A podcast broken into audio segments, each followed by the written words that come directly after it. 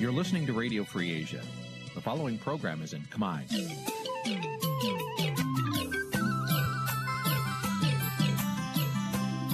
Nǐ chi càm bi tiệp xáy vệt chiu a zì sê ray នេះជាកម្មវិធីផ្សាយរបស់ Vithu Azisari ជាភាសាខ្មែរ វត្តឈូអាស៊ីសេរីសូមស្វាគមន៍លោកអ្នកនាងទាំងអស់ពីរដ្ឋធានី Washington នៃសហរដ្ឋអាមេរិក ចាប់ផ្សាយផ្ទាល់ពីរដ្ឋធានី Washington នាងខ្ញុំខែសុណងសូមជម្រាបសួរលោកនាងកញ្ញាប្រិយមិត្តអ្នកស្ដាប់និងអ្នកទស្សនាការផ្សាយរបស់វិទ្យុអាស៊ីសេរីទាំងអស់ជាទីមេត្រីចា៎នាងខ្ញុំសូមជូនកម្មវិធីផ្សាយសម្រាប់យប់ថ្ងៃសៅរ៍13កើតខែបុស្សឆ្នាំឆ្លូវត្រីស័កពុរសករាជ2565ដែលត្រូវនៅថ្ងៃទី15ខែមករាគ្រិស្តសករាជ2022ចា៎ជាដំបូងនេះសូមអញ្ជើញលោកនាងស្ដាប់ព័ត៌មានប្រចាំថ្ងៃដែលមានមេតិការដូចតទៅ thank you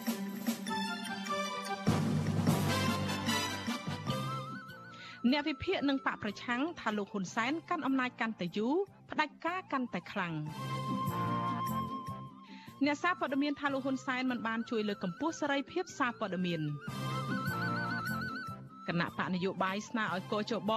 រក្សាទុកកំណត់ហេតុរាប់សัญลักษณ์ឆ្នោតឬទម្រង់1102លោកសំរងស៊ីបន្តអះអាងថាលោកហ៊ុនសែន សុកប៉ាន់នាងធីសវណ្ណថាដើម្បីឲ្យវាយប្រហារបកប្រឆាំងរួមនឹងព័ត៌មានផ្សេងផ្សេងមួយចំនួនទៀត។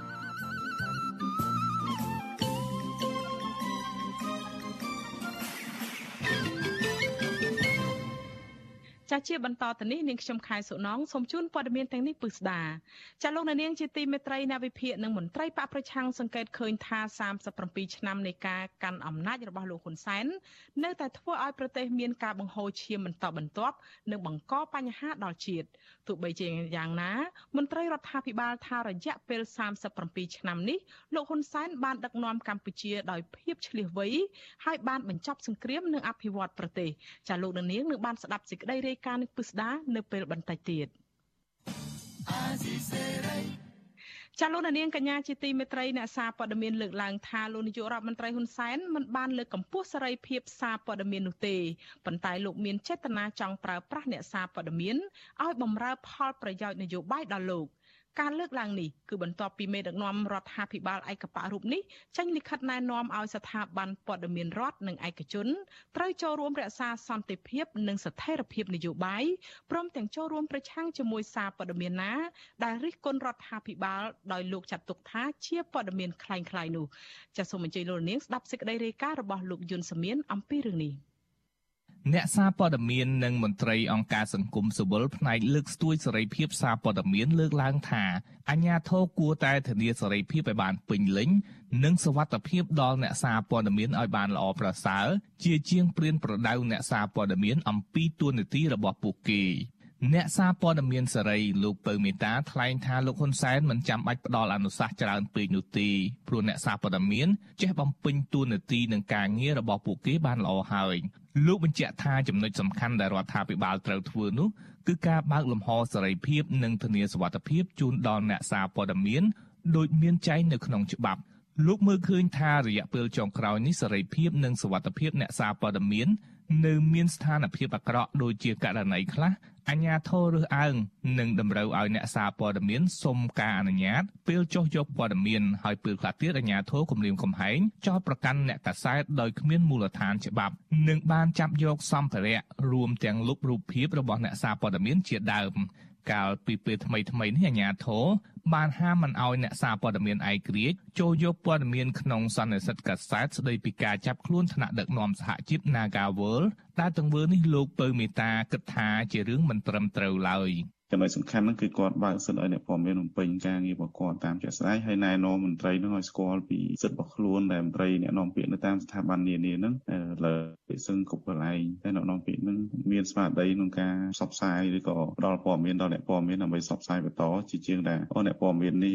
តាក់ទងទៅក្រុមនេះអត់លើកទេខ្លាចផ្សាយវាចំណុចខ្វះច្បាស់របស់ខ្លួនហើយអ្នកព័ត៌មាននេះបានលើកឡើងទៅសន្និសិទហ្នឹងឲ្យអ្នកនេះចូលបិទមកឲ្យអ្នកនោះចូលអញ្ចឹងទៅសារព័ត៌មានហ្នឹងវាបាត់ព័ត៌មានមួយចំនួនទៅដល់គាត់ហើយគាត់ក៏ស្បបានលើកឡើងហើយរឿងមន្ត្រីអ្នកក្រមនោះផ្ដល់ព័ត៌មានអត់ពិតដល់គាត់អីចឹងទៅតែគាត់ហៅមន្ត្រីគ្រប់លពើមន្ត្រីអីប្រតិកម្មរបស់អ្នកសារព័ត៌មានបែបនេះគឺបន្ទាប់ពីលោកហ៊ុនសែនបានណែនាំឲ្យស្ថាប័នព័ត៌មានរដ្ឋនិងឯកជនត្រូវជួយឃោសនាអ្វីដែលល្អនិងវិជ្ជមានពីកម្ពុជា ហើយរួមគ្នាប្រឆាំងព័ត៌មានមិនពិតដែលទំនងលោកសម្ដៅដល់ព័ត៌មានដែលរិះគន់និងប៉ះពាល់ដល់មុខមាត់របស់រដ្ឋាភិបាលលើសពីនេះ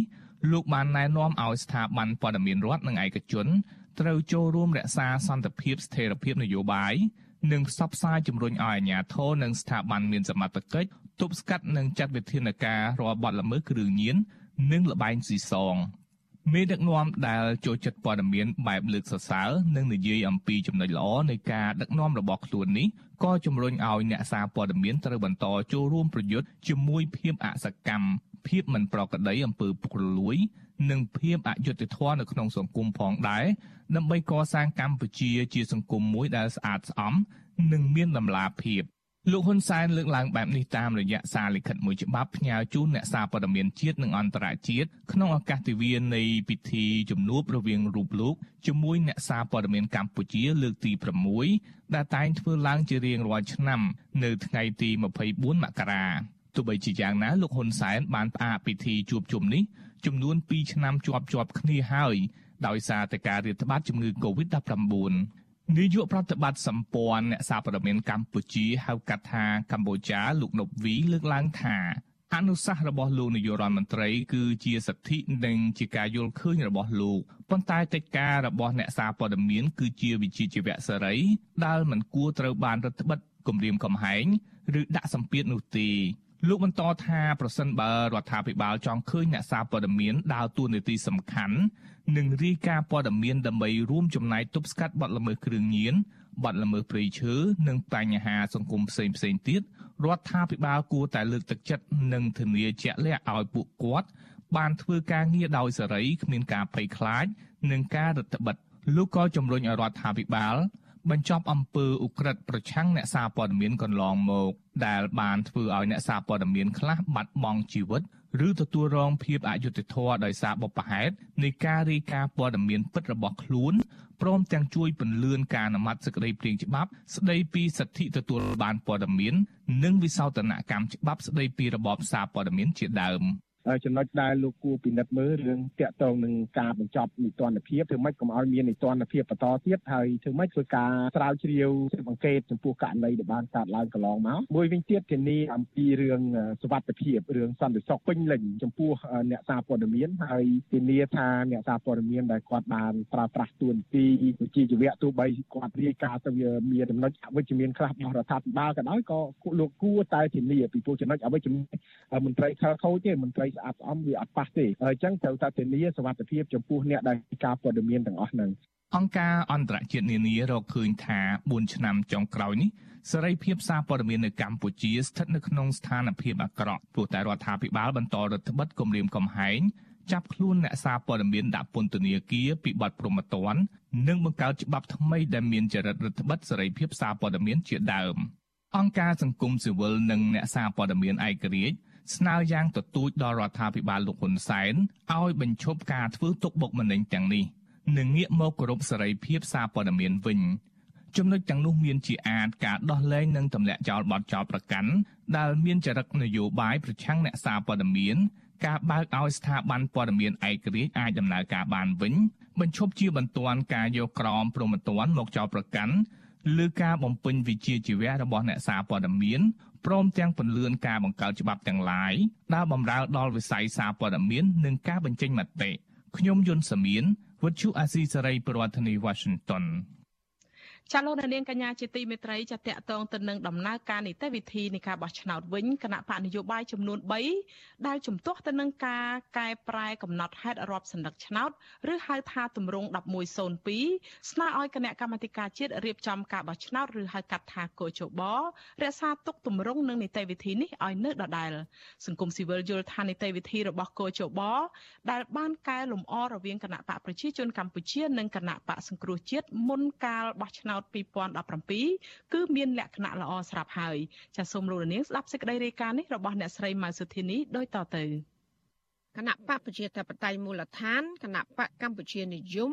និងគណៈបកកែតម្រង់កម្ពុជានៅតែទាមទារឲ្យកោជបរក្សាទុកនិងចែកកំណត់ហេតុទ្រព្យសម្លឹកឆ្នោតតម្រង់1102ឲ្យនៅដដែល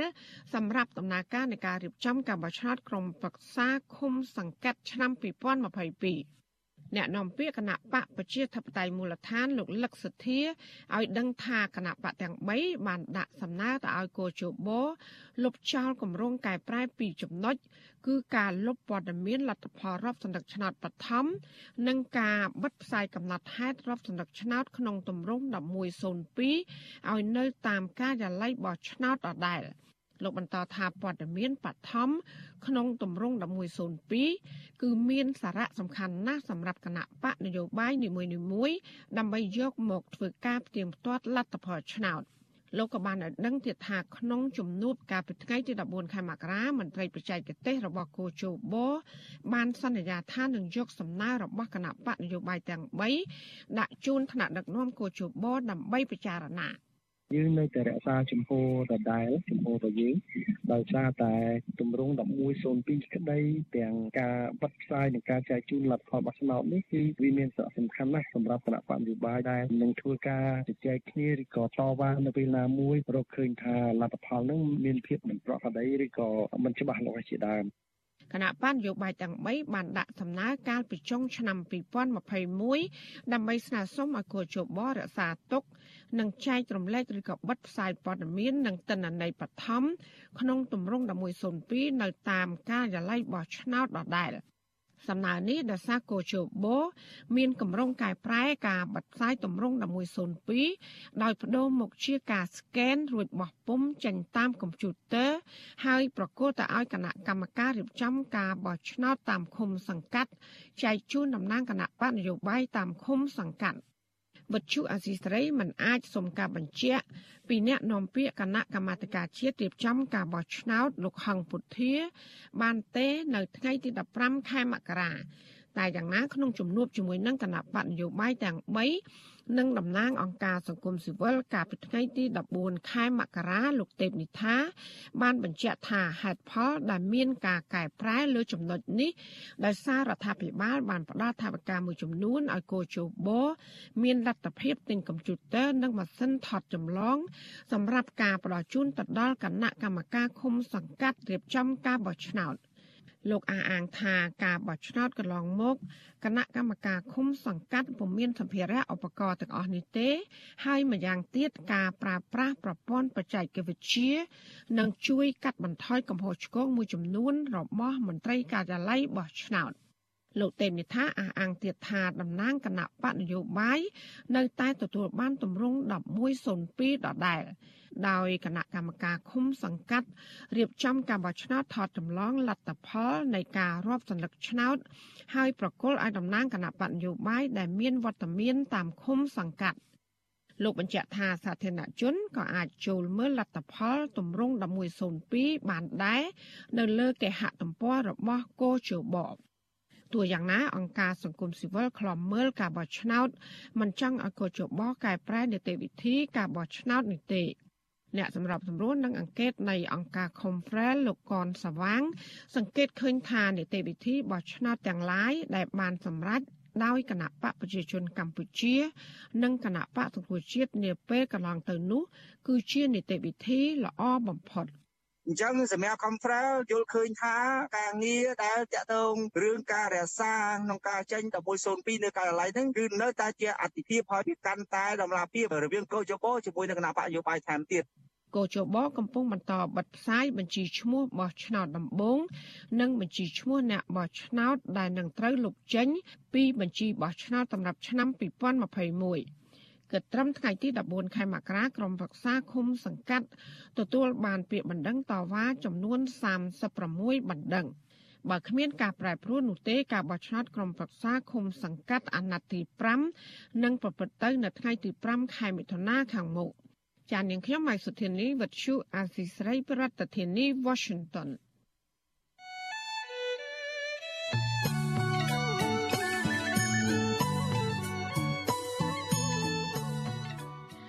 ចចាលោកនាងកញ្ញាជាទីមេត្រីចាក្រៅពីលោកនាងទស្សនាការផ្សាយផ្ទាល់របស់វិទ្យុអាស៊ីសេរីតាមបណ្ដាញសង្គម Facebook និង YouTube នេះចាលោកនាងក៏អាចស្ដាប់ការផ្សាយផ្ទាល់តាមវិទ្យុរលក ធាតុអាកាសខ្លីឬ Shortwave តាមកម្រិតនិងកម្ពស់ដូចតទៅនេះពេលព្រឹកចាប់ពីម៉ោង5កន្លះដល់ម៉ោង6កន្លះតាមរយៈរលកធាតុអាកាសខ្លី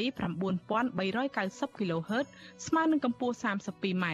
និង11850 kHz ស្មើនឹងកម្ពស់ 25m ពេលយប់ចាប់ពីម៉ោង7កន្លះដល់ម៉ោង8កន្លះតាមរយៈរលកធាតុអាកាសខ្លី9390 kHz ស្មើនឹងកម្ពស់ 32m និង15155 kHz ស្មើនឹងកម្ពស់ 20m ចាលោកនាងកញ្ញាជាទីមេត្រីអ្នកវិភាគនិងមន្ត្រីបកប្រឆាំងសង្កេតឃើញថា37ឆ្នាំនៃការកាន់អំណាចរបស់លោកហ៊ុនសែននៅតែធ្វើឲ្យប្រទេសមានការបង្ហូរឈាមបន្តបន្ទាប់និងបង្កបញ្ហាដល់ជាតិទោះបីជាយ៉ាងណា មន្ត្រីរដ្ឋាភិបាលថារយៈពេល37ឆ្នាំនេះលោកហ៊ុនសែនបានដឹកនាំកម្ពុជាដោយភាពឆ្លៀសវៃហើយបានបញ្ចប់សង្គ្រាមនិងអភិវឌ្ឍប្រទេសចាប់ពីរដ្ឋធានី Washington លោកសេកបណ្ឌិតរាយការណ៍ព័ត៌មាននេះ អ្នកវិភាគនិងមន្ត្រីគណៈបកប្រឆាំងលើកឡើងថាការដឹកនាំប្រទេសរបស់លោកហ៊ុនសែនជិត40ឆ្នាំមកនេះមានគុណវិបត្តិច្រើន និងមិនទាន់អាចធ្វើឲ្យខ្មែរអាចរួបរวมគ្នាបានឡើយអ្នកវិភាគនយោបាយដែលកំពុងភៀសខ្លួននៅប្រទេសហ្វាំងឡង់លោកកឹមសុខរីគុណថាលោកហ៊ុនសែនជាមេដឹកនាំប្រទេសបង្កបញ្ហាដល់ប្រជាពលរដ្ឋនិងហ៊ានធ្វើគ្រប់បែបយ៉ាង ដើម្បីអាចដណ្ដើមអំណាចទាំងផ្ទៃក្នុងបកនិងជាមួយនឹងគណៈបកប្រកួតប្រជែង។ លោកបន្តថារយៈពេល37ឆ្នាំនៃការដឹកនាំកម្ពុជាលោកហ៊ុនសែននៅតែធ្វើឲ្យកម្ពុជាមានអនាគតមិនច្បាស់លាស់ភាពមិនច្បាស់លាស់ហ្នឹងមិនសំដៅត្រឹមតែភាពហិនហោចនៃប្រទេសជាតិទេមិនសំដៅត្រឹមតែទុក្ខវេទនារបស់ប្រជាពលរដ្ឋជាម្ចាស់ប្រទេសក៏ប៉ុន្តែសូម្បីតែអនាគតជីវិតទឹកដីជាតិថាថ្ងៃក្រោយនឹងនឹងគ្រប់គ្រងដោយខ្មែរឬក៏មិនមែននោះ ក៏ស្ថិតនៅក្នុងដំណើរគ្រោះដ៏ធំនៅឡើយប្រសិនបើលោកហ៊ុនសែននៅបន្តហួសពី37ឆ្នាំហើយផ្ទៃអំណាចឲ្យកូនប្រុសរបស់គាត់ឲ្យជោគជ័យស្រដៀងគ្នានេះដែរអ្នកសិក្សាការអភិវឌ្ឍសង្គមលោកបណ្ឌិតសេងសេរីលើកឡើងដែរថាលោកហ៊ុនសែនបាននាំមកនៅសន្តិភាពឲ្យកម្ពុជាមែនតែជាសន្តិភាពដែលមានសង្គ្រាមនិងកាប់សម្លាប់ដោយមិនមែនជាសន្តិភាពដែលមានការគោរពសិទ្ធិមនុស្សនិងប្រជាធិបតេយ្យឡើយ លោកយល់ថាបញ្ហាទាំងនោះទំនងជាលោកហ៊ុនសែនទុកឱកាសឲ្យកូនប្រុសរបស់លោក គឺលោកហ៊ុនម៉ាណែតដែលជាពេកភាពនាយករដ្ឋមន្ត្រីបំរុងបន្តការងារដែលលោកមិនអាចធ្វើបាន មកបំពេញជំនួស វិជាសារមួយចំនួនដែលគាត់មិនអាចធ្វើបាននោះសម្រាប់មនុស្សចំនួនក្រោយហើយជាគាត់គិតថាតួអង្គថ្មីនៅក្នុងកិច្ចការងារនយោបាយទោះបីជាទៅបានគេរិះគន់ដែលជាការបន្តពូជក៏ដោយក៏ប៉ុន្តែគាត់គិតថាប្រហែលជាអាចនឹងធ្វើអ្វីបានច្រើនជាងគាត់ជាពិសេសចំណុចដែលគាត់មិនអាចធ្វើបានណាបាទតកតោនឹងការលើកឡើងនេះវិទ្យុអាស៊ីសេរីនៅពុំទាន់អាចសុំការឆ្លើយតបពីអ្នកនាំពាក្យរដ្ឋាភិបាលលោកផៃស៊ីផានអ្នកនាំពាក្យគណៈបកប្រជាជនកម្ពុជាលោកសុកអេសាន និងលោកឈឹមផលវរុនបានទេ នៅថ្ងៃទី15ខែមករាទូយ៉ាងណាក្តីទីស្តីការគណៈរដ្ឋមន្ត្រីបានបង្ហោះអត្ថបទតាក់ទងខួបនៃការកាន់កាប់អំណាចរបស់លោកហ៊ុនសែនរយៈពេល37ឆ្នាំនេះ ដោយលើកសរសើរថាលោកហ៊ុនសែន មានភាពឆ្លៀវវៃក្នុងការបញ្ចប់សង្គ្រាមគ្រប់កលៈទេសៈនិងធ្វើឲ្យកម្ពុជាទទួលបានឱកាសពេញបរិបូរណ៍ក្នុងការអភិវឌ្ឍប្រទេសជាតិ ប្រពន្ធដដាលថារយៈពេល37ឆ្នាំក្រោមការដឹកនាំកម្ពុជាលោកហ៊ុនសែនបានធ្វើឲ្យកម្ពុជា ដែលជាប្រទេសក្រីក្របំផុតក្លាយជាប្រទេសមានចំណូលមធ្យមកម្រិតទាបនាពេលបច្ចុប្បន្នទោះយ៉ាងណាមន្ត្រីជាន់ខ្ពស់គណៈបកសង្គ្រោះជាតិលោកមនផល្លាដែលកំពុងភៀសខ្លួននៅក្រៅប្រទេសព្រោះវិបត្តិនយោបាយរិះគន់ថា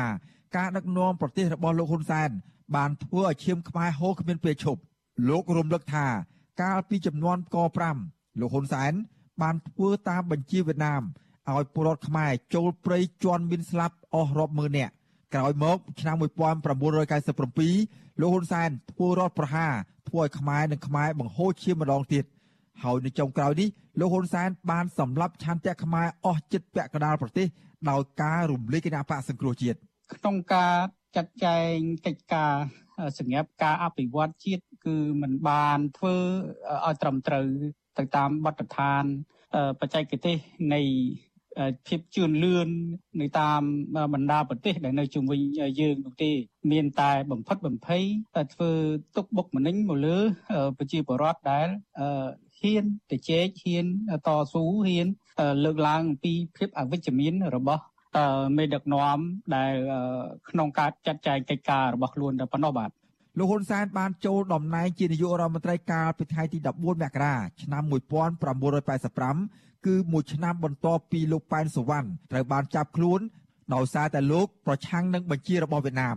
ហើយលោកច័ន្ទស៊ីក៏ត្រូវបានតែងតាំងជំនួសដែលក្រោយមកក៏បានស្លាប់នៅក្នុងពេលកាន់តំណែងនៅឆ្នាំ1984របាយការណ៍របស់អង្គការអន្តរជាតិ Human Rights Watch លើកឡើងថា លោកហ៊ុនសែនជាមេដឹកនាំដែលស្ថិតនៅក្នុងតំណែងតាមរយៈការប្រើប្រាស់អំពើហិង្សាក្នុងចេតនានយោបាយគ្រប់គ្រងកម្លាំងប្រដាប់អាវុធកៃបន្លំការបោះឆ្នោតប្រព្រឹត្តអំពើពុករលួយធ្ងន់ធ្ងរនិងមានការគ្រប់គ្រងពីបរទេសគឺរដ្ឋាភិបាលទីក្រុងហាណូយរបាយការណ៍ដដែលរកឃើញទៀតថាលោកហ៊ុនសែនពាក់ព័ន្ធនឹងការរំលោភសិទ្ធិមនុស្សធ្ងន់ធ្ងររួមមានអំពើកាប់សម្លាប់ក្រៅច្បាប់ការធ្វើទរណកម្មការចាប់ឃុំខ្លួន ត្រួតត្រារារាំងសេរីភាពសហគមន៍ការជួបប្រជុំនិងការបង្កើតបណ្ដាញស៊ើបការពេញផ្ទៃប្រទេសក្នុងគោលបំណងបំផិតបំភ័យបំភាន់សាធារណមតិយុទ្ធសាស្ត្រចម្បងរបស់លោកហ៊ុនសែនគឺការគម្រាមកំហែងនិងប្រើប្រាស់កម្លាំងខ្ញុំបាទសេកបណ្ឌិតវិទ្យុអាស៊ីសេរីពីរដ្ឋធានីវ៉ាស៊ីនតោន ចាលោកនាងកញ្ញាជាទីមេត្រីចាតកតងទៅនឹងសេចក្តីរាយការណ៍របស់លោកសេកបណ្ឌិតនេះចាយើងមានភ្ញៀវមួយរូបគឺលោកកឹមសុកដែលជាអ្នកពិភាក្សានយោបាយពីប្រទេសហ្វាំងឡង់ដែលលោកនឹងចូលខ្លួនមកបកស្រាយបន្ថែមជុំវិញបញ្ហានេះសូមជំរាបសួរលោកកឹមសុកចាបាទជំរាបសួរ ចាចាលោកនាងជាទីមេត្រីចាតកតងទៅនឹងខួប37ឆ្នាំនៃការកាន់តំណែងនាយករដ្ឋមន្ត្រីដែលខាងទីស្តីការគណៈរដ្ឋមន្ត្រីបានលើកឡើងថាជានាយករដ្ឋមន្ត្រីដឹកនាំនាវាកម្ពុជា របស់បរោះខ្លាំងដេជោសែននេះចាយើងចង់ជំរាបសួរទៅលោកកឹមសុខថាតើលោកកឹមសុខយល់ឃើញយ៉ាងម៉េចដែរនៅក្នុងរយៈពេល37ឆ្នាំនៃការកាន់តំណែងរបស់លោកនាយករដ្ឋមន្ត្រីហ៊ុនសែននឹងមានចំណុចខ្លាំងនិងចំណុចខ្សោយអីយ៉ាងម៉េចខ្លះទៅលោកចា ខ្ញុំជូនមតិដោយខ្លី37ឆ្នាំក្រោមការដឹកនាំរបស់លោកហ៊ុនសែនជារយៈពេលដែលប្រជារាស្ត្រខ្មែរខំពុះពៀទាំងហូរឈាមផង គ្រួសារខ្លះគ្រួសារខ្លះហូរទឹកភ្នែកភាកច្រើនលឺលុបណាស់ដើម្បីដោះស្រាយនៅវិបត្តិជាតិធំធំ ដែលបង្កឡើងដោយលោកហ៊ុនសែនខ្លួនឯងផ្ទាល់ហើយកម្ពុជាក្នុងរយៈពេល37ឆ្នាំមកនេះ ជួបនៅអនាគតមិនច្បាស់លាស់នៅឡើយភាពមិនច្បាស់លាស់នេះមិនសំដៅត្រឹមតែទុក្ខវេទនារបស់ប្រជាពលរដ្ឋខ្មែរទូទាំងប្រទេសនិងភាពហិនហោចនៃជាតិកម្ពុជាតែប៉ុណ្្នឹងទេក៏ប៉ុន្តែសូម្បីតែអនាគតទឹកដីនៃប្រទេសកម្ពុជា ដែលថ្ងៃក្រោយនឹងគ្រប់គ្រងដោយខ្មែរឬក៏ជនជាតិបរទេសឈ្លានពាននោះ ក៏នៅតែមិនច្បាស់នៅឡើយវាស្ថិតនៅក្នុងស្ថានភាពគ្រោះធំនៅឡើយទេ នៅពេលដែលលោកហ៊ុនសែនបន្តហួសពី37ឆ្នាំហើយប្រសិនបើផែនការអំណាចពីលោកហ៊ុនសែនទៅកូនប្រុសរបស់គាត់បានជោគជ័យខ្ញុំមើលឃើញជា37ឆ្នាំនៃការពង្រីកនិមិត្តរូបឈ្លានពានរបស់ចៅហ្វាយក្រុងហាណូយរបស់លោកហ៊ុនសែននៅលើទឹកដីកម្ពុជា ក្រោមការជួយជ្រោមជ្រែងរបស់លោកហ៊ុនសែនពីព្រោះយើងមើលឃើញច្បាស់ណាស់ថាក្នុង37ឆ្នាំមកនេះស្ដូបរបស់វៀតណាមនៅលើទឹកដីកម្ពុជារីកទូទាំងប្រទេសហើយរីកកាន់តែធំនៅក្នុងទីក្រុងភ្នំពេញហើយក្រុមលោកហ៊ុនសែនគោរពបូជាជាដរាបចា ចាលោកកឹមសុខអឺចោះលោកមើលឃើញថាអាចថាមានក្រៅពីអ្វីដែលលោកបានលើកឡើងនេះខ្ញុំនឹងមានរឿងបន្ថែមទៀតដែរពីខាង អឺអង្គការ Human Rights Watch ក៏គេបានបុកសរុបដែរនៅពេលរបាយការណ៍ថ្មីថ្មីនេះតកតងទៅនឹងស្ថានភាពនៃការគោរពសិទ្ធិមនុស្សគេមើលឃើញថាជាពិសេសនៅក្នុងឆ្នាំ2022ហ្នឹងជារបាយការណ៍ពិនិត្យប្រចាំឆ្នាំបញ្ហាសិទ្ធិមនុស្សជុំវិញសកលហ្នឹងថារបស់ Human Rights Watch ថាការរំលោភសិទ្ធិមនុស្សហ្នឹងគឺមានលក្ខណៈសំខាន់សំខាន់ហ្នឹងជាលក្ខណៈធ្ងន់ធ្ងរហើយជាប្រព័ន្ធនៅក្នុងកម្ពុជាហ្នឹងរួមមានការបង្ក្រាបនយោបាយបពប្រឆាំងសកម្មជនដោយអ្វីដែលលោកកឹមសុខបានលើកឡើងពីខាងដើមថាមានការឈឺចាប់បង្ហូរទឹកភ្នែកនេះគឺតកតងទៅនឹងសម្លេងប្រឆាំងហ្នឹងមានការបង្ក្រាបអីច្រើនទាំងសកម្មជនបរិស្ថានហើយបញ្ហានីតិរដ្ឋភាពព្រមទាំងការបង្កើតច្បាប់អីរឹតបន្តឹងសិទ្ធិមនុស្សជាមូលដ្ឋានអីជាដើមផងតើបញ្ហាទាំងអស់នេះអឺ ចាប់ចូលទៅក្នុងចំណុចនៃការគ្រប់គ្រងរបស់លោកនាយករដ្ឋមន្ត្រីហ៊ុនសែនដែលថាមានភាពចំណុចខ្សោយដែលធ្វើឲ្យប្រជាពលរដ្ឋនឹងរស់នៅប្រឈមនឹងការលំបាកនឹងយ៉ាងខ្លាំងទេលោកកឹមសុខចា៎ការរៀបរាប់របស់អង្គការអន្តរជាតិនឹងពិតជាត្រឹមត្រូវតែនេះគ្រាន់តែជាចំណុចតូចមួយនៃកំហុសដឹកនាំរបស់លោកហ៊ុនសែនប៉ុណ្ណោះក្នុងរយៈពេល37ឆ្នាំមកនេះ ខ្ញុំស្រាវជ្រាវឃើញរហូតទៅដល់37រឿងធំធំដែលជាឧបសគ្គបង្កឡើងដោយលោកហ៊ុនសែនបង្កវិនាសកម្មដល់ប្រទេសជាតិកម្ពុជាក៏ប៉ុន្តែនៅទីនេះពេលខ្លីខ្ញុំមិនអាចរៀបរាប់ទាំង37រឿងនោះទេខ្ញុំលើកតែរឿង2ប៉ុណ្ណោះដើម្បីមកបញ្ជាក់រឿងទី1អំពើក្បត់របស់លោកហ៊ុនសែនចំពោះសមមិត្ត ខ្មែរគ្នាឯងដោយចាប់ផ្ដើមឡើងកាន់អំណាចនៅក្នុងឆ្នាំ1985ដោយការបំផ្លាញលោកប៉ែនសវណ្ណលោកច័ន្ទស៊ីដែលមាននិន្នាការចង់ជួយប្រជាពលរដ្ឋខ្មែរក៏ប៉ុន្តែលោកហ៊ុនសែនគាត់ក្បត់សហការជាមួយវៀតណាមបំផ្លាញចាប់លោកប៉ែនសវណ្ណទៅដាក់គុកនៅទីក្រុងហាណូយលោកច័ន្ទស៊ីស្លាប់ដោយគ្មានមូលហេតុច្បាស់លាស់ ក្រោមការចាប់ផ្ដើមក្បត់ខ្មែរគ្នាឯងនេះលោកហ៊ុនសែនបង្កើតនៅសមិទ្ធផលនៃការដាក់នឹមវៀតណាមកាន់តែតឹងកខ្មែរថែមទៀតឧទាហរណ៍ផែនការក5ខ្មែរពេញកម្លាំងជាបរោះស្លាប់ជាង20ម៉ឺននាក់នឹមនៃការប្រមូលធនធានធម្មជាតិរបស់ខ្មែរទៅឲ្យវៀតណាមនឹមមួយទៀត គឺកិច្ចព្រមព្រៀងដែលបង្ហូរជនជាតិវៀតណាមបែបនិគមជន ចូលប្រទេសកម្ពុជាដែលកាលពីសម័យលោកប៉ែនសវណ្ណគាត់ប្រឆាំងក៏ប៉ុន្តែលោកហ៊ុនសែនសហការជាមួយវៀតណាមហូរចូលហើយចូលនោះ ជាវិបត្តិរហូតមកដល់ពេលបច្ចុប្បន្នទៅទៀតនឹមដល់ធ្ងន់ធ្ងរមួយទៀតគឺកិច្ចព្រមព្រៀងឆ្នាំ1979 82 83 85ដែលធ្វើឲ្យខ្មែរបាត់បង់ព្រំដែនគោកច្រើនណាស់សពថ្ងៃបាត់បង់កោះត្រល់ចំកោមកោះក្រចកសេះបាត់បង់ដែនសមុទ្រខ្មែរប្រមាណ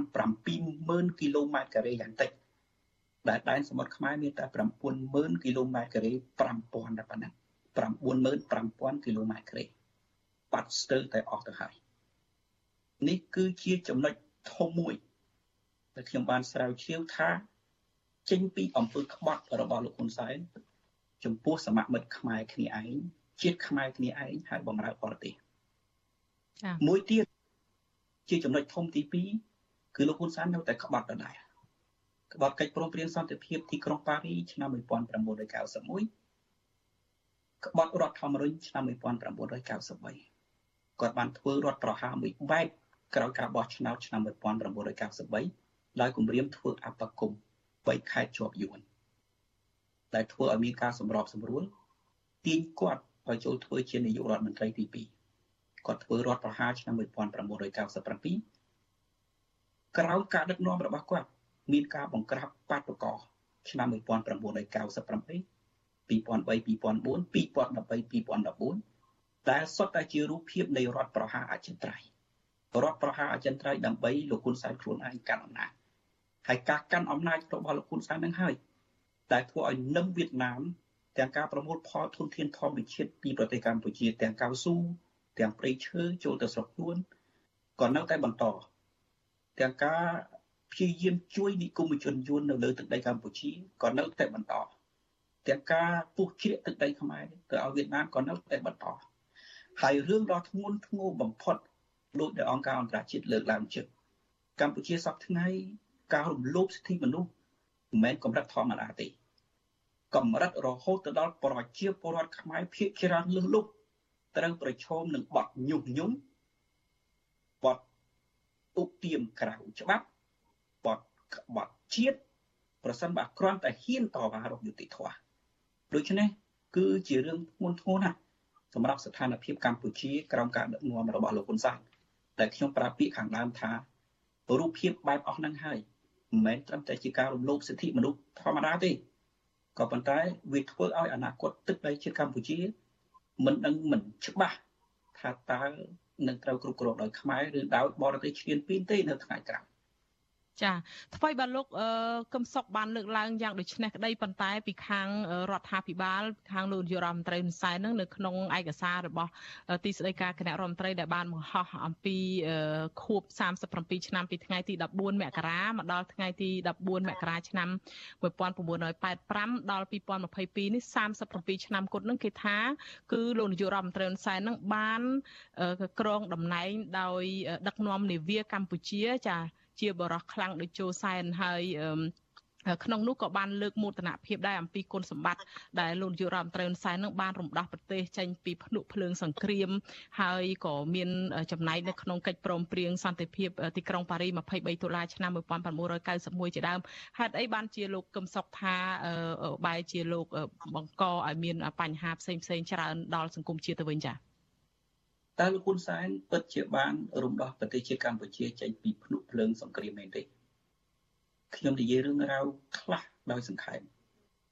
ការឈ្លានពានរបស់វៀតណាមនៅថ្ងៃទី7មករា1979គឺជាការឈ្លានពានមួយក្នុងផែនការរបស់វៀតណាមហើយខ្ញុំបានពោលដំណៀនពីរដ្ឋមន្ត្រីពីររូប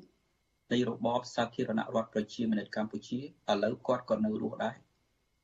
ថានៅពេលនោះរបបខ្មែរក្រហម ទៅតែពិបាកនឹងឈរជើងនឹង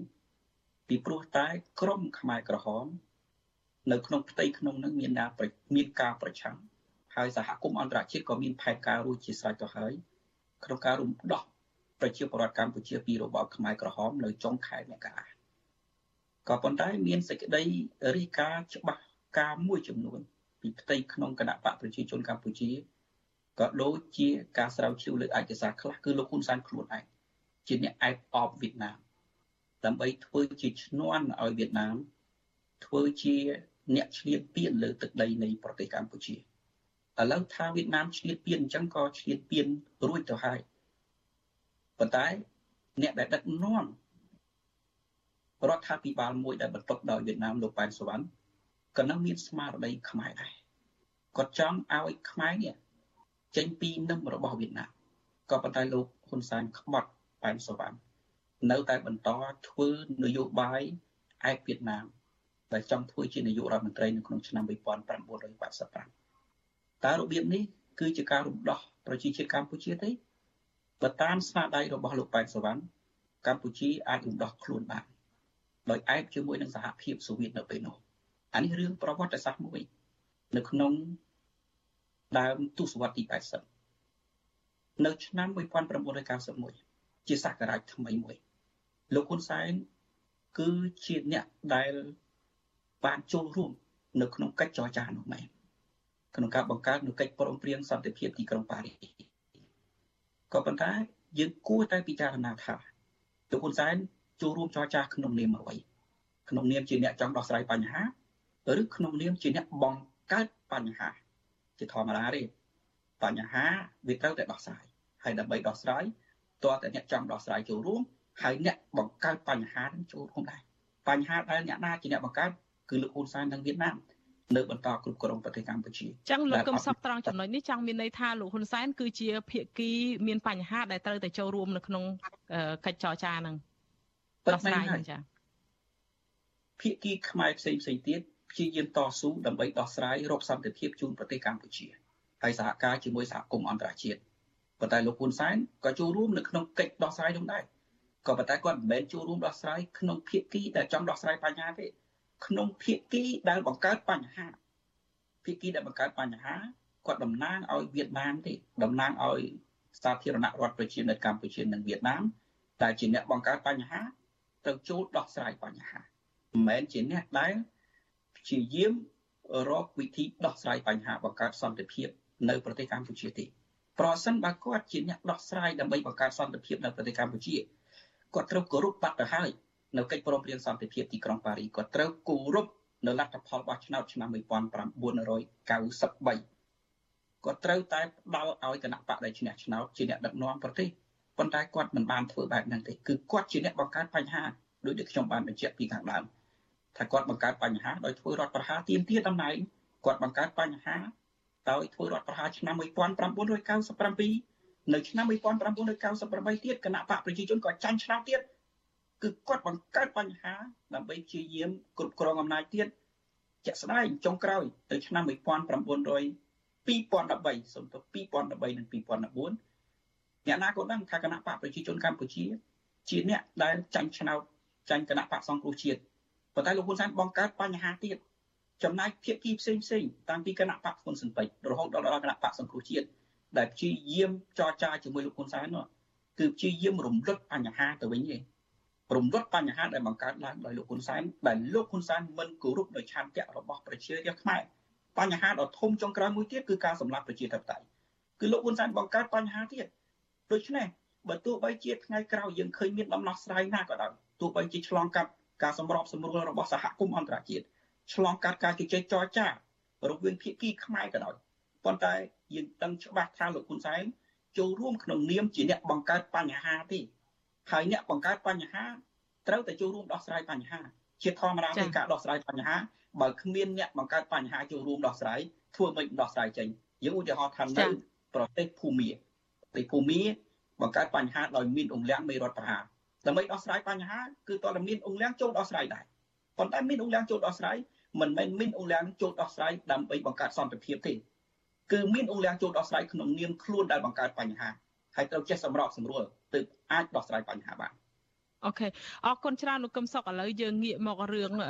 ពេលបច្ចុប្បន្ននេះវិញជាងដឹងហើយលោកនាយករដ្ឋមន្ត្រីសែនបានប្រកាសឲ្យថាលោកនឹងផ្ទេរតំណែងទៅឲ្យកូនប្រុសអីចឹងហើយដំណើរការនឹងក៏វាបានឃើញយើងលេចឃើញហើយខាងគណៈបកក៏បានបោះឆ្នោតដល់ផ្ដល់បេក្ខភាពជានាយករដ្ឋមន្ត្រីឲ្យលោកហ៊ុនម៉ាណែតដែលជាកូនប្រុសលោកហ៊ុនសែនហើយនៅក្នុងរបាយការណ៍របស់ Human Rights Watch ក៏បានលើកឡើងដែរអំពីថាការដែលដែលមានការមានផែនការកាន់អំណាចបែបផ្ទេតវងតកូលនេះក៏គេបានរិះគន់ដែរអំពីបញ្ហានឹង ចង់ជំរាបសួរទៅលោកកឹមសុខវិញថាតើបើសិនជាលោកហ៊ុនម៉ាណែតបានឡើងកាន់តំណែងជានាយករដ្ឋមន្ត្រីហើយជាជនដែលបានរៀនសូត្រចេះដឹងជាឪពុកហើយក៏បានចូលកាន់តំណែងជានាយករដ្ឋមន្ត្រីនឹងអាចដូចប្រទេសជាតិនឹងនៅតែដូចការគ្រប់គ្រងរបស់ឪពុកទេឬក៏អាចមានការវិវត្តមានការខុសប្លែកពីពេលបច្ចុប្បន្ននេះដែរចា៎មិនមែនជនមានសញ្ញាបត្រខ្ពស់ពិតជាអាចធ្វើជាអ្នកតំណាងប្រទេសជាតិ រកការរីកចម្រើនដល់ប្រទេសជាតិបានទេប្រសិនបើជននោះមានបេះដូងខ្មៅមេដឹកនាំប្រទេសផ្ដាច់ការលើពិភពលោកច្រើនណាស់តាំងពីកូរ៉េខាងជើងពីសេរីតាំងពីអ៊ឺរ៉ាក់ប្រទេសផ្សេងផ្សេងទាំងនៅប្រទេសអាហ្វ្រិកជាដើមសុទ្ធតែបញ្ជូនកូនឲ្យទៅរៀនមានសញ្ញាបត្រខ្ពស់ពីប្រចាំមកប្រទេសក៏ប៉ុន្តែពួកគេផ្ដាច់ការជាងឪពុកទៅទៀតដោយសារបេះដូងគេខ្មៅខ្មៅរហូតទៅដល់យកសញ្ញាបត្រនឹងមកលៀងមិនជ្រះនៅទេ ចំណែកលោកហ៊ុនម៉ាណែតខ្ញុំមើលឃើញច្បាស់គឺច្បាស់ក្នុងចិត្តតែម្ដងថាហ៊ុនម៉ាណែតមិនមែនជាអ្នកដែលអាចជ្រោមជ្រែងកម្ពុជាឬស្រោចស្រង់កម្ពុជា ពីស្នាដៃបំផ្លាញរបស់ឪពុកទេប៉ុន្តែបន្តបំផ្លាញពីឪពុកទៅទៀតហើយធ្វើឲ្យកម្ពុជា មានអនាគតដូចដែលខ្ញុំបញ្ជាក់ខាងដើមថាមិនច្បាស់លាស់រឿងមួយដែលយើងមើលឃើញ ក្នុងន័យវិភាគគឺការបន្តជួយជ្រោមជ្រែងនិគមជនយួនខុសច្បាប់នៅលើទឹកដីនៃប្រទេសកម្ពុជាឥឡូវនេះវាដល់ដំណាក់កាលមួយ ដែលយើងមើលឃើញច្បាស់ថាយួនមានអំណាចតាមសមាគមរបស់គេ នៅលើទឹកដីកម្ពុជាហើយគេព្រមព្រៀងគ្នាជាមួយនឹងគណៈបកប្រជាជនកម្ពុជាដែលដឹកនាំដោយលោកហ៊ុនសែន ហើយបន្តទៅលោកហ៊ុនម៉ាណែតនេះដោយការជួយជ្រោមជ្រែងយួនទាំងនោះដោយយកយួនទាំងអស់នោះពីក្នុងទឹកពីលើទឹកមកលើគោកតាមរយៈគម្រោងវិនិយោគអចលនទ្រព្យគេទិញដីគេសង់ផ្ទះហើយឲ្យយួននៅលើទឹកនោះទៅទិញដីទៅទិញផ្ទះដែលក្រុមហ៊ុនយួនសាងសង់ហើយគេបង់ជាប្រចាំខែទៅឲ្យយួនដូច្នេះយួនចំណេញពីរចំណេញ វិនិយោគលើទឹកដីខ្មែរផងចំណេញដល់ការស្របច្បាប់របស់ជនជាតិយួនបែបនិគមជន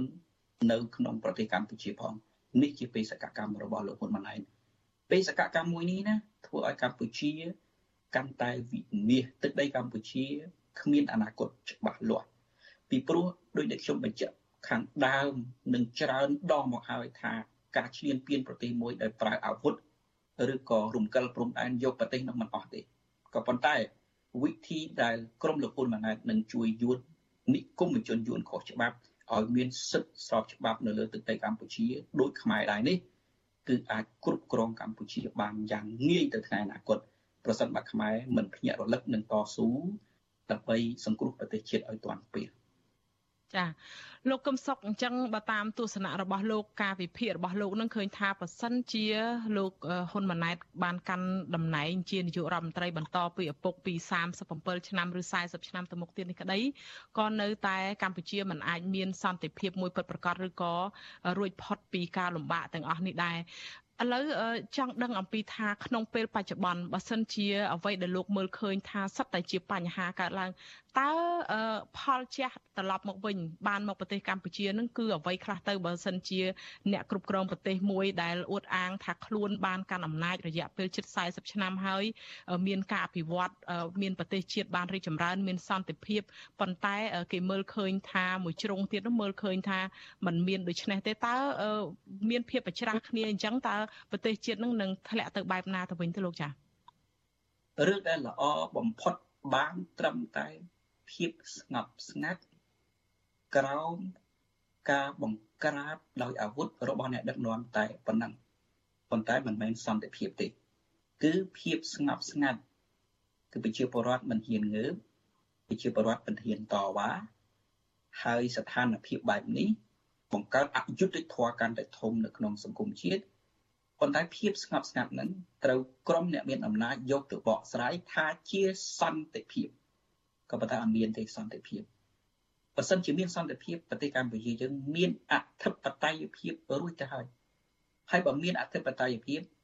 តើហេតុអ្វីលោកហ៊ុនសែនមិនហ៊ាននិយាយអំពីអឺកិច្ចព្រមព្រៀងអន្តរជាតិមួយដែលគេហៅថា UN Close សន្ធិសញ្ញាសមុទ្រច្បាប់សមុទ្រ UN Close ឆ្នាំ1982ដើម្បីដោះស្រាយបញ្ហាកោះត្រល់ទាមទារកោះត្រល់បើសិនបើមានសន្តិភាពមែន ច្បាស់ណាស់ថាកម្ពុជាមានឯករាជ្យហើយបើមានឯករាជ្យហេតុអ្វីបានជាលោកហ៊ុនសែនមិនហ៊ាននិយាយសូម្បីតែការពារសិទ្ធិសេរីភាព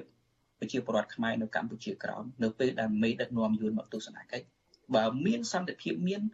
បានន័យថាប្រទេសកម្ពុជាយើងមានអធិបតេយ្យមួយច្បាស់លាស់ដែលគ្មានអ្នកណាអាចប៉ះពាល់បានប៉ុន្តែហេតុអ្វីបានជាលោកហ៊ុនសែន មិនហ៊ានអញ្ជើញបារាំងឲ្យជួយដោះស្រាយបញ្ហាកម្ពុជាពីព្រោះបារាំងគឺជាម្ចាស់ផែនទីដើមនិងជាម្ចាស់អាណានិគមលើទឹកដីកម្ពុជាហើយរឿងច្រើនណាស់ប្រសិនបើមានសន្តិភាពពិតប្រាកដមែនតើក្រមលោកហ៊ុនសែនហេតុអ្វីមិនហ៊ានធ្វើសេដ្ឋកិច្ចជាតិរបស់ខ្លួនឲ្យបានផលដល់ប្រយោជន៍ប្រជាជាតិខ្មែរក៏ប៉ុន្តែ ទៅជាប្រគល់នៅមូលដ្ឋានសេដ្ឋកិច្ចនៃប្រទេសកម្ពុជាទៅឲ្យយួនចំណេញទាំងលើប្រៃឈើរ៉ែហើយនឹងទំនិញនាំចូលប្រទេសកម្ពុជាបែប ជាគីមីបំផ្លាញសុខភាពខ្មែរទៅទៀតដូច្នេះវាមិនមែនជាសន្តិភាពហើយក៏វាមិនមែនជាស្ថិរភាពក៏ប៉ុន្តែស្ថិតនៅក្នុងគ្រោះនៃការគំរាមកំហែងរហូតទៅដល់បាត់បង់ប្រទេសជាតិប្រសិនបើយើងងើបមិនទាន់ពេលទេអំណាចលោកហ៊ុនសែនយើងឃើញប៉ុណ្ណឹងប៉ុន្តែដល់អំណាចលោកហ៊ុនម៉ាណែតនឹងជ្រៅជាងនឹងតទៅទៀតគឺគេលេបកម្ពុជាស្ងាត់ស្ងាត់ ចាលោកកឹមសុខសំណួររបស់នាងខ្ញុំចុងក្រោយខ្លីថាតើបើសិនជាការកាន់តំណែងរបស់នាយករដ្ឋមន្ត្រីនឹងចេះតែទៅមុខអ្នកដឹកនាំគេនៅតែទៅមុខហើយហើយនឹងអាចមានផ្ទេតំណែងតវងតកូលទៅដល់កូនចៅគេចំនួនក្រោយទៀតតើប្រជាពលរដ្ឋវិញគាត់ត្រូវធ្វើបែបណាទៅសូមខ្លីលោកចាប្រជាពលរដ្ឋត្រូវតស៊ូដូរអំណាចហ្នឹងប្រជាពលរដ្ឋមិនអាចតស៊ូសម្របសម្រួលជាមួយនឹងអំណាចផ្ដាច់ការដែលគ្មានគោលដៅជួយប្រទេសជាតិទេ គឺត្រូវតែតស៊ូបដូរអំណាចនឹងចេញប៉ុន្តែយើងត្រូវគោរពតាមខ្លឹមសាររដ្ឋធម្មនុញ្ញឆ្នាំ1993ប្រើសិទ្ធិស្របច្បាប់របស់យើងដើម្បីព្យាយាមតស៊ូទាមទារយុត្តិធម៌សង្គមប្រជាធិបតេយ្យហើយនឹងសិទ្ធិជាម្ចាស់ប្រទេសបើមិនដូច្នោះទេ នៅតែប្រើក្បួនសម្របសម្រួលហែហមនឹងអំណាចក្រមលោកហ៊ុនសែនគឺទៅអត់រួចទេ ពីព្រោះនយោបាយហែហមសម្របសម្រួលក្រមលោកហ៊ុនសែននេះធ្វើឲ្យលោកហ៊ុនសែនស៊ីហើយស៊ីទៀតហ៊ុនសែនស៊ីជិត40ឆ្នាំមកនេះហ៊ុនម៉ាណែតនឹងអាចស៊ីជាង20ឆ្នាំទៅមុខទៀតនឹងរលីជាតិកម្ពុជាហើយ ចាចានេះខ្ញុំសូមអរគុណច្រើនលោកកឹមសុខដែលលោកបានចំណាយពេលមានតម្លៃចូលរួមក្នុងការផ្ដល់សម្ភារបន្ថែមនៅខួប37ឆ្នាំនៃការកាត់តំណែងរបស់លោកនាយករដ្ឋមន្ត្រីហ៊ុនសែននៅថ្ងៃនេះសូមអរគុណនិងសូមជម្រាបលាលោកកឹមសុខតាមប៉ុណ្ណឹងសិនចាសូមជូនពរសុខភាពល្អចាបាទជម្រាបលាបាទ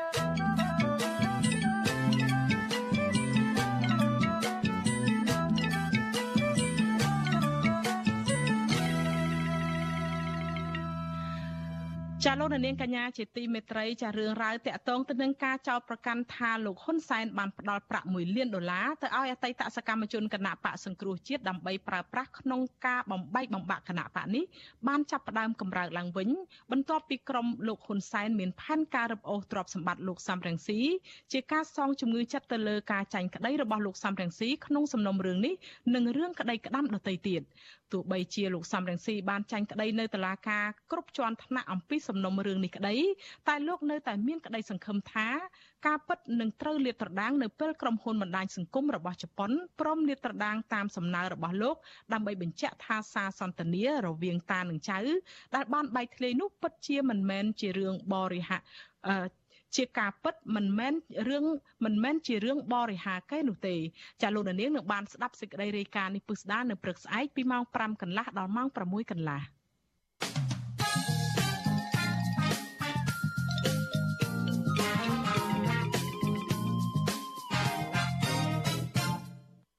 ចាលោកនាងកញ្ញាជាទីមេត្រីចាងាកមករឿងនៃការរីករាលដាលនៃជំងឺ Covid-19 វិញក្រសួងសុខាភិបាលរកឃើញអ្នកជំងឺ Covid-19 ចំនួន45ករណីថ្មីទៀតដែលសុទ្ធតែជាមេរោគបំផ្លែងខ្លួនថ្មីអូមីក្រុងក្នុងនោះ29នាក់ជាករណីនាំចូលនិង16នាក់ទៀតជាករណីឆ្លងនៅក្នុងសហគមន៍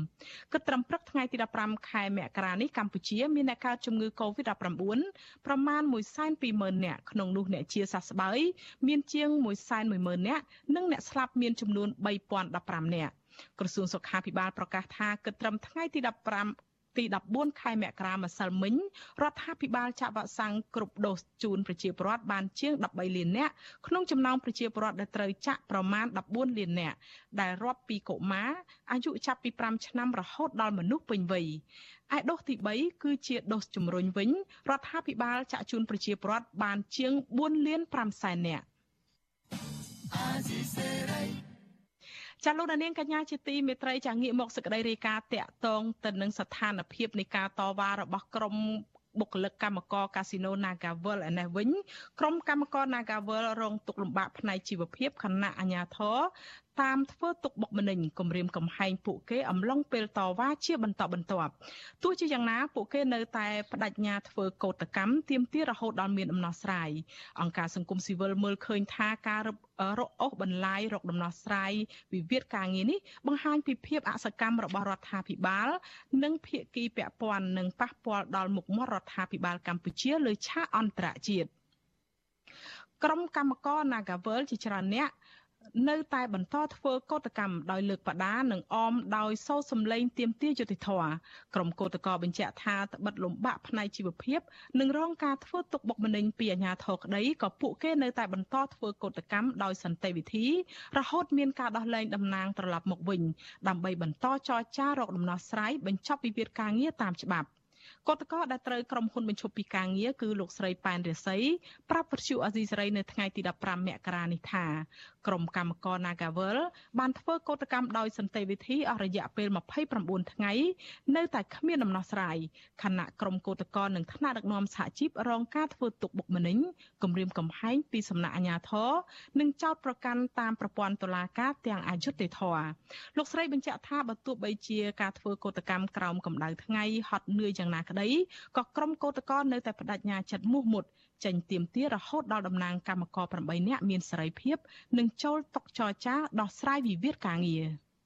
ពួកខ្ញុំជាកោតកោដល់ស្លូតត្រង់មួយហាក្តៅហាខ្យល់ហាភ្លៀងនៅតែទ្រាំដើម្បីឲ្យក្រុមហ៊ុនដោះស្រាយវិវាទការងារនេះដោះតំណាងទាំង8រូបដើម្បីចូលតុចរចាជាកម្មករជាបុគ្គលិកស្លូតត្រង់មួយតស៊ូអង្គុយ50ថ្ងៃដើម្បីឲ្យមានដំណោះស្រាយ ស្រដៀងគ្នានេះដែរបុគ្គលិកម្នាក់ទៀតដែលធ្វើការ8ឆ្នាំផ្នែកចែកបៀកញ្ញាម៉ែនសុធីវឌ្ឍនៈថ្លែងថាកន្លងមកអាញាធរតែងតែធ្វើបាបកោតកោដែលចូលរួមធ្វើកោតកម្មដូចជាស្ត្រីមានផ្ទៃពោះដោយអាញាធរបានប្រមានម្ចាស់ហាងនៅក្បែរកន្លែងកោតកម្មឲ្យបិទ បន្ទប់ទឹកកុំឲ្យកោតកោចូលប្រើប្រាស់បាន និងហាមឃាត់សប្បុរសជនដឹកទឹកសុទ្ធជួយដល់កោតកោជាដើមកញ្ញាបន្តថាលើសពីនេះសមត្ថកិច្ចស្លៀកពាក់ស៊ីវិលបានតាមថតរូបពួកគាត់ដល់ផ្ទះសម្បែងហើយគម្រាមកំហែងបំបាក់ស្មារតីពួកគាត់ឲ្យឈប់ជួបជុំគ្នាតវ៉ាតទៅទៀតប៉ុន្តែទង្វើរបស់អាជ្ញាធរទាំងនេះមិនអាចបញ្ឈប់ការទៀមទារបស់កម្មករបានឡើយ កញ្ញាបន្តថា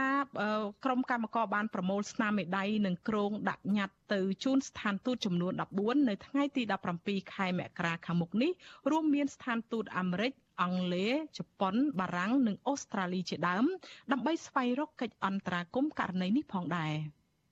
តាំងពីកូវីដមកការងារក៏យើងកាត់បន្ថយហើយក្រុមហ៊ុនក៏ធ្លាប់បានបិទអញ្ចឹងហើយជីវភាពគាត់ពិបាកហើយក្នុងកំឡុងពេលមកធ្វើកតកម្ម20ថ្ងៃជាងចិត្តមួយខែហ្នឹងគាត់ក៏ត្រូវបានកាត់ប្រាក់ខែបានទទួលបានប្រាក់ខែអញ្ចឹងពួកយើងតែងតែជួបបញ្ហាដូចខាងធនាគារអីខ្លះអញ្ចឹងក៏ប៉ុន្តែពួកគាត់នៅតែមានឆន្ទៈថាតស៊ូទោះត្រាតែមានសហជីពនៅក្នុងនឹងព្រោះវាមានស្ថិរភាពការងារមានចង់និយាយថាបើសិនជាអត់មានសហជីពទេគាត់ដឹងថាថ្ងៃណាគេត្រូវដកគាត់ដូចគ្នាហ្នឹង ជាមួយគ្នានេះសកម្មជនសិទ្ធិមនុស្សនិងជាអ្នកជំនាញផ្នែកច្បាប់និងនយោបាយអន្តរជាតិកញ្ញាសេងធីរីក៏បានចូលរួមធ្វើកោតកម្មជាមួយក្រុមកម្មករ Nagawal ដែរនៅរសៀលថ្ងៃទី15ខែមករានេះដោយកញ្ញាបានស្លៀកសម្លៀកបំពាក់អប្សរានិងកាន់ផ្កាឈូកចុះទៅជួបក្រុមកោតក្រកញ្ញាសេងធីរីថ្លែងប្រាប់វិទ្យុអាស៊ីសេរីថាការដែលកញ្ញាចូលរួមជាមួយក្រុមកោតក្រនៅពេលនេះគឺចង់លើកទឹកចិត្តនិងបង្ហាញអំពីសាមគ្គីភាពដើម្បីទាមទាររកយុត្តិធម៌សង្គមពិសេសកញ្ញាចង់ផ្សព្វផ្សាយសកម្មភាពតស៊ូមតិដោយសន្តិវិធីនេះទៅអន្តរជាតិ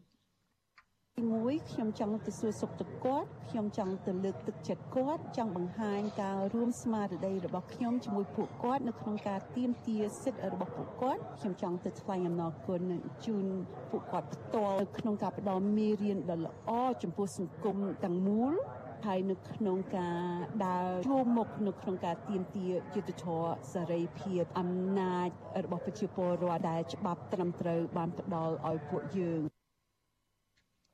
វិទ្យុអេស៊ីសរ៉ៃមិនអាចតាក់ទងប្រធានអង្គភិបអ្នកណែនាំពាក្យរដ្ឋាភិបាលលោកផៃស៊ីផាននិងអ្នកណែនាំពាក្យក្រសួងការងារលោកហេងសួរដើម្បីសាកសួរអំពីរឿងនេះបន្ថែមបានទេនៅថ្ងៃទី15ខែមករានេះជុំវិញរឿងនេះអ្នកគ្រប់គ្រងកម្មវិធីសិទ្ធិការងារនៃអង្គការសង្ត្រាល់លោកខុនថារ៉ូ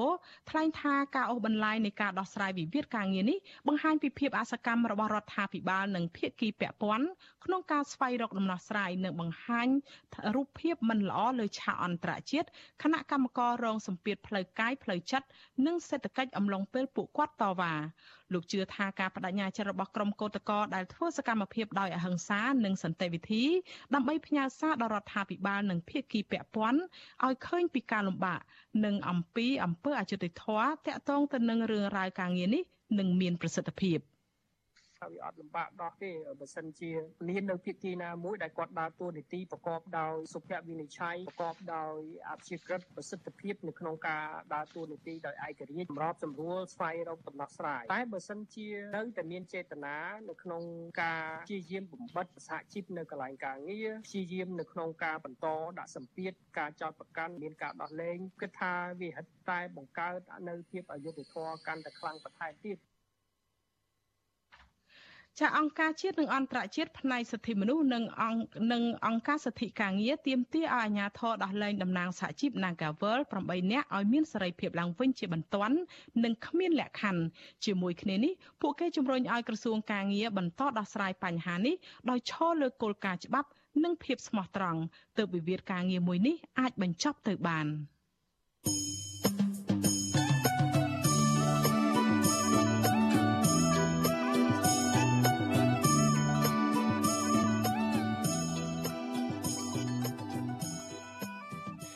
ចាលោកនាងកញ្ញាជាទីមេត្រីចាក្រៅពីលោកនាងទស្សនាការផ្សាយផ្ទាល់លើបណ្ដាញសង្គម Facebook និង YouTube នេះចាលោកនាងក៏អាចស្ដាប់ការផ្សាយផ្ទាល់តាមវិទ្យុរលកធារកាសខ្លីឬ Shortwave តាមកម្រិតនិងកម្ពស់ដូចតទៅនេះ ចាប់ពេលព្រឹកចាប់ពីម៉ោង5កន្លះដល់ម៉ោង6កន្លះតាមរយៈរលកធារកាសខ្លី9390 kHz ស្មើនឹងកម្ពស់ 32m និង11850 kHz ស្មើនឹងកម្ពស់ 25m ចាប់ពេលយប់ចាប់ពីម៉ោង7កន្លះដល់ម៉ោង8កន្លះតាមរយៈរលកធារកាសខ្លី9390 kHz ស្មើនឹងកម្ពស់ 32m និង15155 kHz ស្មើនឹងកម្ពស់ 20m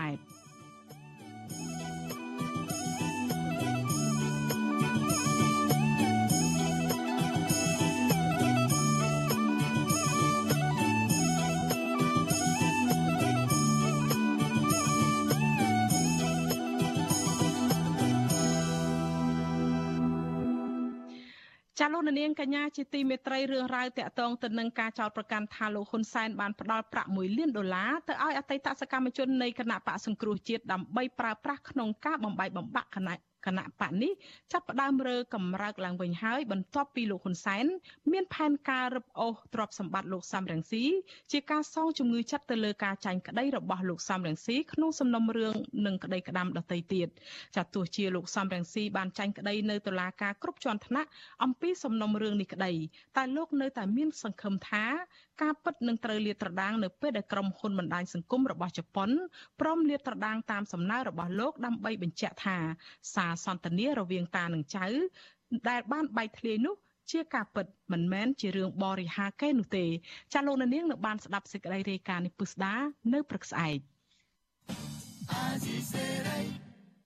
ចាលោកនាងកញ្ញាជាទីមេត្រីចាតកតងទៅនឹងរឿង ប្រើប្រាស់ផលិតផលคล้ายคล้ายអានេះវិញគណៈកម្មាធិការប្រយុទ្ធប្រឆាំងផលិតផលคล้ายคล้ายសហការជាមួយសមាជិកជំនាញបង្ក្រាបទីតាំងមជ្ឈមណ្ឌលកែសម្ផស្សផ្ការរំដួលមួយកន្លែងស្ថិតនៅអាគារ One Park Building នៅរាជធានីភ្នំពេញនឹងឃាត់ខ្លួនក្រុមគ្រូពេទ្យចិនចំនួន4នាក់កាលពីថ្ងៃទី13ខែមករាការចុះបង្ក្រាបនោះគឺធ្វើឡើងក្រោយពីសមត្ថកិច្ចទទួលបានពាក្យបណ្ដឹងពីជនរងគ្រោះនៅដែលទៅ កែសម្ផស្សនៅទីនោះថាមានបញ្ហាមិនប្រក្រតីសមត្ថកិច្ចបានឆែកឆេររកឃើញថាក្រុមគ្រូពេទ្យចិនដែលកំពុងបម្រើការផ្នែកវិទ្យាសាស្ត្រ នៅក្នុងមជ្ឈមណ្ឌលកែសម្ផស្សផ្ការរំដួលសុទ្ធតែជាគ្រូពេទ្យដែលពុំមានទទួលស្គាល់ពីក្រសួងសុខាភិបាលព្រមទាំងបានលួចនាំចូលស្តុកទុកផលិតផលคล้ายคล้ายហួសសុពលភាពនិងនាំចូលឧបករណ៍សម្ភារៈបរិក្ខារពេទ្យដោយពុំមានចុះបញ្ជីការពីក្រសួងសុខាភិបាលត្រឹមត្រូវនោះឡើយវិទ្យុអាស៊ីសេរីមិនអាចតកតងសុំការបញ្ជាក់បន្ថែមពីប្រធានគណៈកម្មាធិការប្រយុទ្ធប្រឆាំងផលិតផលคล้ายคล้ายលោកមេឃសុផាណាបានទេនៅថ្ងៃទី15ខែមករានេះ គណៈកម្មាធិការប្រយុទ្ធប្រឆាំងផលិតផលคล้ายคล้ายបញ្ជាក់ថាការបើកអាជីវកម្មខាងផ្នែកកែសម្ផស្សដែលមិនបានគោរពតាមច្បាប់របស់ក្រសួងសុខាភិបាលបានធ្វើឲ្យប្រជាពលរដ្ឋដែលទៅទទួលសេវាកម្មគ្មានគុណភាពរងផលប៉ះពាល់ដល់សុខភាព និងប្រឈមគ្រោះថ្នាក់ដល់អាយុជីវិត។ ព្រះរាជអាជ្ញាអមសាលាដំបងរាជធានីភ្នំពេញសម្រេចផ្អាកកន្លែងអាជីវកម្មកែសម្ផស្សផ្ការរំដួលជាបណ្ដោះអាសន្ននិងបានកសាងសំណុំរឿងបញ្ជូនទៅជនសង្ស័យក្រុមគ្រូពេទ្យជនជាតិចិន4នាក់ទៅសាលាដំបងរាជធានីភ្នំពេញកាលពីថ្ងៃទី13ខែមករាជុំវិញរឿងនេះសមត្ថកិច្ចក៏កំពុងតែបន្តស្រាវជ្រាវរកជនពាក់ព័ន្ធផ្សេងទៀតផងដែរ